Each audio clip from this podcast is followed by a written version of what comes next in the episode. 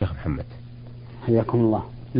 المرسل الحائر من المنطقة الشرقية في الأحساء عين عين جيم ميم بعث بهذه الرسالة آه، يقول فيها شاء القدر على إنسان وعمل حادث فصدم رجل كبير السن آه، وذلك بالسيارة فمكث في المستشفى عدة أيام وبعدها فارق الحياة تغمده الله بواسع رحمته ولم يكن ذلك مقصودا من الشخص إلا أن القدر شاء ذلك. فما الحكم في ذلك؟ هل هل يكفر عن ذلك بكفارة أم ماذا يفعل؟ جزاكم الله عني وعن المسلمين خيرا. الحمد لله رب العالمين والصلاة والسلام على نبينا محمد وعلى آله وأصحابه أجمعين. أما بعد فإن الجواب على هذا السؤال في مقامين. نعم. المقام الأول التعبير بكلمة شاء القدر.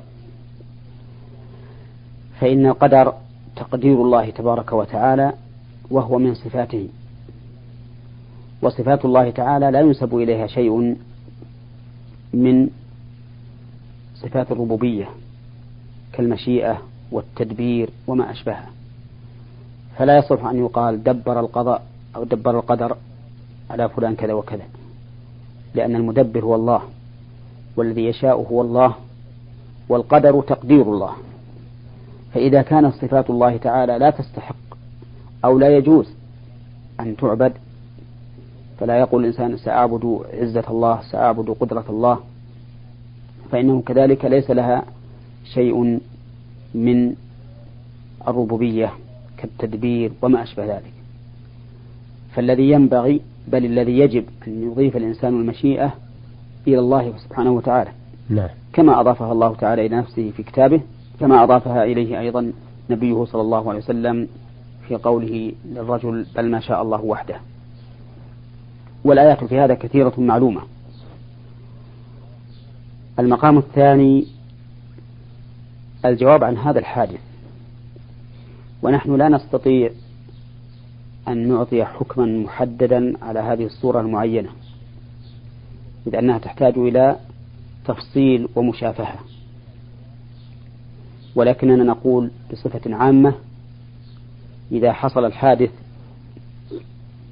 فإما أن يكون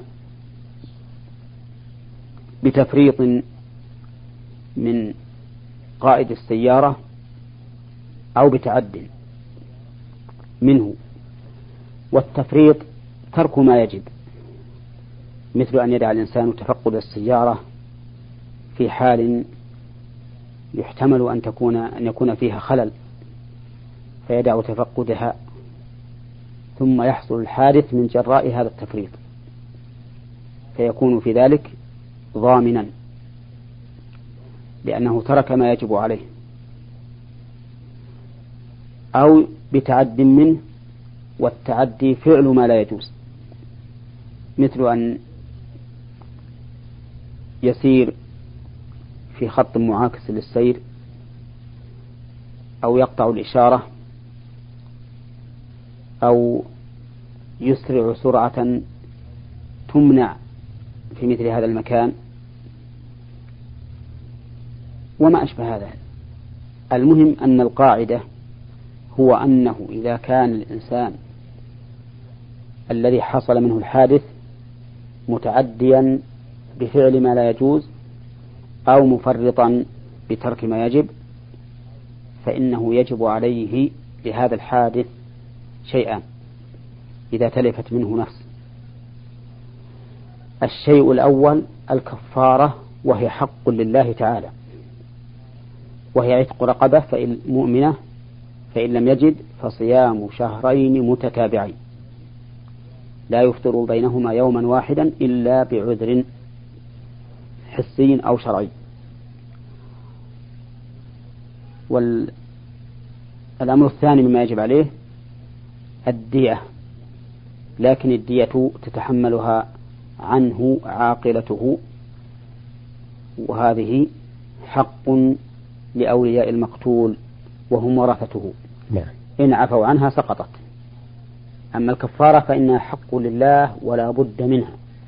حتى لو عفى أولياء المقتول عن الدية فإن الكفارة لا تسقط لأن الكفارة حق لله الدية حق للآدميين ولا يلزم من سقوط أحد الحقين سقوط الآخر. كما أن هذا لو كان لا يجد الرقبة ولا يستطيع أن يصوم شهرين متتابعين فإن الكفارة تسقط عنه. وإن كانت الدية تجب لأولياء المقتول. مثال الشيء الذي يكون بغير تعد منه ولا تفريط مثل أن ينكسر الذراع أو أن يضرب كفر مع تفقده له قبل أن يمشي أو يأتي إنسان يكون هو الذي آه، قابل السيارة على وجه لا يتمكن القائد من إيقاف السيارة نعم. يعني لو جاء فقذف أو رمى نفسه بالسوق بالشارع نعم. والسيارة قد أقبلت. والقائد لا يتمكن من إيقاف السيارة. فإن هذا الذي رمى بنفسه هو الذي أهلك نفسه. فليس على هذا الشيء على هذا السائق شيء. وكذلك أيضا لو فرض أن الإنسان القائد قابله سيارة. فرأى أن خير وسيلة ينجو بها من هذا الذي قابله أن يخرج عن الخط يمينا أو شمالا ففعل وتصرف. ثم إنه في تصرفه هذا حصل انقلاب السيارة ومات أحد معه فإنه في هذه الحال لا يضمنه لا بدية ولا بكفارة لأنه في هذه الحالة محسن. وقد قال الله تعالى ما على المحسنين من سبيل.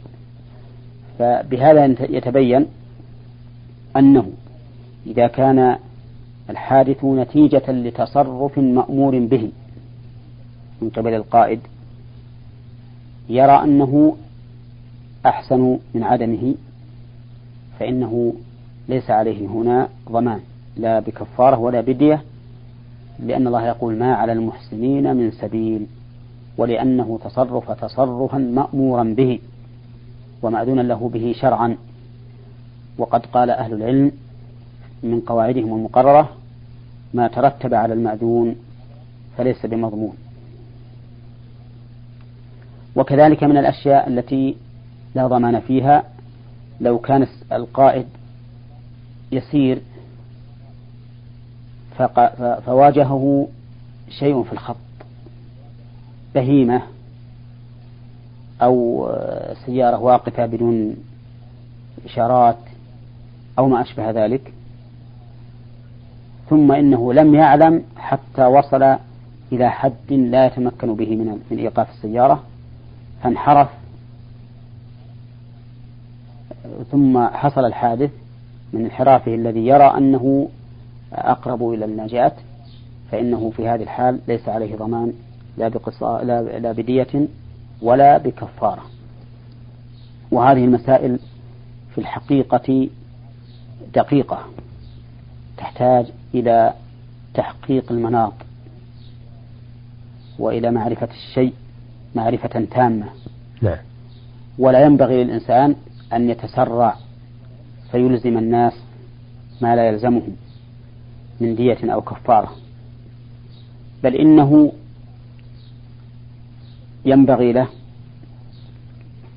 أن يعلم أن الأصل السلامة والعصمة. أن الأصل السلامة والعصمة. كما أن الأصل أيضا الضمان لما تلف. فهذان الأصلان متعارضان وينبغي لطالب العلم أن يسلك ما يراه أقوى من هذين الأصلين. وأن يتقي الله سبحانه وتعالى فلا يلزم عباد الله بما لا يلزمهم ولا يسقط عن عباد الله ما يجب عليهم. نعم. الله أعلم.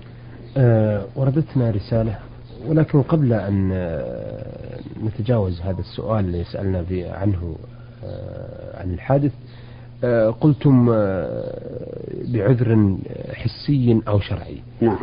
حبذا لو وضحتم ذلك للمستمع؟ يعني قلنا إن الذي يتسبب نعم. في القتل نعم. يلزمه صيام. شهرين نعم. متتابعين نعم. لا يفطر بينهما يوما واحدا إلا بعذر حسي أو شرعي نعم. العذر, العذر الحسي كالمرض يمرض الإنسان فلا يستطيع مواصلة الصوم نعم. والعذر الشرعي كالحيض والسفر الحيض يعني قد تكون الجانية امرأة نعم مثل ما لو تكون طفلها آه، إلى جنبها وهي نائمة فتنقلب عليه ويموت فعليها كفارته فهذه يلزمها صيام شهرين متتابعين. فإذا أتاها الحيض فإن هذا الحيض لا يقطع التتابع لأنه عذر شرعي. نعم. إذ أنه حسا يمكنها أن تصوم لكن شرعا لا يمكنها أن تصوم. نعم. وكذلك السفر فإنه يبيح الفطر وهو عذر شرعي لأن المسافر يتمكن من الصيام. نعم. وبهذه المناسبة أيضا أود أن أقول إنه إذا كان الحادث سببا في موت أكثر من واحد. فإنه يجب على هذا الذي ألزمناه بالكفارة بعدد الأنفس. فإذا مات معه اثنان وجب عليه صيام أربعة أشهر. لكن لا يلزم أن تكون هذه الأشهر الأربعة كلها متوالية بل شهران متواليان والشهران الآخران متواليان. نعم.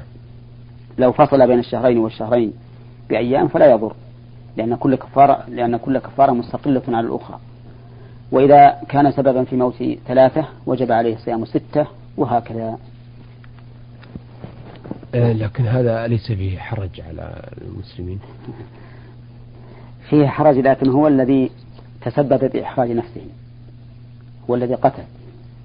ومن قتل مؤمنا خطأ فتحرير رقبة مؤمنة ودية مسلمة إلى أهله إلى أن قال فمن لم يجد فصيام شهرين متتابعين. نعم. مؤمنا واحدا. فكما أن الدية تتعدد فكذلك الكفارة تتعدد. نعم. نعم آه هذه رسالة وردتنا من المستمع عبد الله وفي الحقيقة أني أقول لك نعم. آه، أن هذا من حكمة الإسلام ليكون حماية للنفوس حتى لا يتسرع الإنسان في القتل. وحتى يحسب حسابه. وإلا فقد يقول قائل حتى الخطأ ربنا لا تؤاخذنا إن نسينا وأخطأنا. نعم. فقد يشتبه على بعض الناس كيف وجبت الكفارة مع الخطأ؟ الدية قد يقال تجب مع الخطأ لأن حق آدم لا يفرق فيه بين العمد والخطأ. لكن الكفارة حق لله وحق الله مبني على المسامحة فلماذا وجبت الدية؟ لماذا وجبت الكفارة مع كون قتل خطأ؟ نقول هذا لأجل المبالغة في حماية النفوس وعدم التسرع. نعم. نعم. آه عبد الله الزهراني من بلاد زهران بعث بهذه الرسالة يقول ماذا يقول الساجد للسهو في سجوده؟ هل يقول سبحان ربي الأعلى أو يقول سبحان من لا ينسى ولا يسهى؟ وماذا يقول بين السجدتين؟ علما بأن سجود السهو شرع لزيادة أو لنقص أو شك في الصلاة. يقول في سجود في سجود السهو كما يقول في سجود الصلاة لعموم قول الرسول صلى الله عليه وسلم في قوله تعالى سبح اسم ربك الأعلى قال اجعلوها في سجودكم فهو يقول كما يقول في سجود الصلاة نعم. وكذلك في الجلسة بين السجدتين يقول فيها كما يقول في الجلسة بين السجدتين في صلب الصلاة نعم. ولا ينبغي أن يقول سبحان من لا ينسى سبحان من لا يسهو أو ربنا لا تؤاخذنا إن نسينا وأخطأنا لأن هذا لم يرد عن النبي صلى الله عليه وسلم. نعم. نعم. آه أيضا السائل يقول آه مرة قارئ قرآن بآية تحث أو يذكر فيها السجود كمثل قوله تعالى في سورة البقرة وإذ قلنا للملائكة اسجدوا لآدم فسجدوا إلا إبليس. الآية وفي قوله تعالى واسجد واقترب. ماذا يقول الساجد المقدس لهذه الآيات الكريمات؟ هذا السائل ذكر آيتين إحداهما ليس فيها ليست موضع سجود وهي قوله تعالى وإذ قلنا للملائكة اسجدوا لآدم. فسجدوا. إلا إبليس أبى واستكبر وكان من الكافرين. والآية الثانية آه، قوله فاسجد واقترب. قوله تعالى فاسجد واقترب وهي موضع السجود وينبغي أن يعلم أن كون الآية موضع سجود أو غير موضع سجود أمر توقيفي.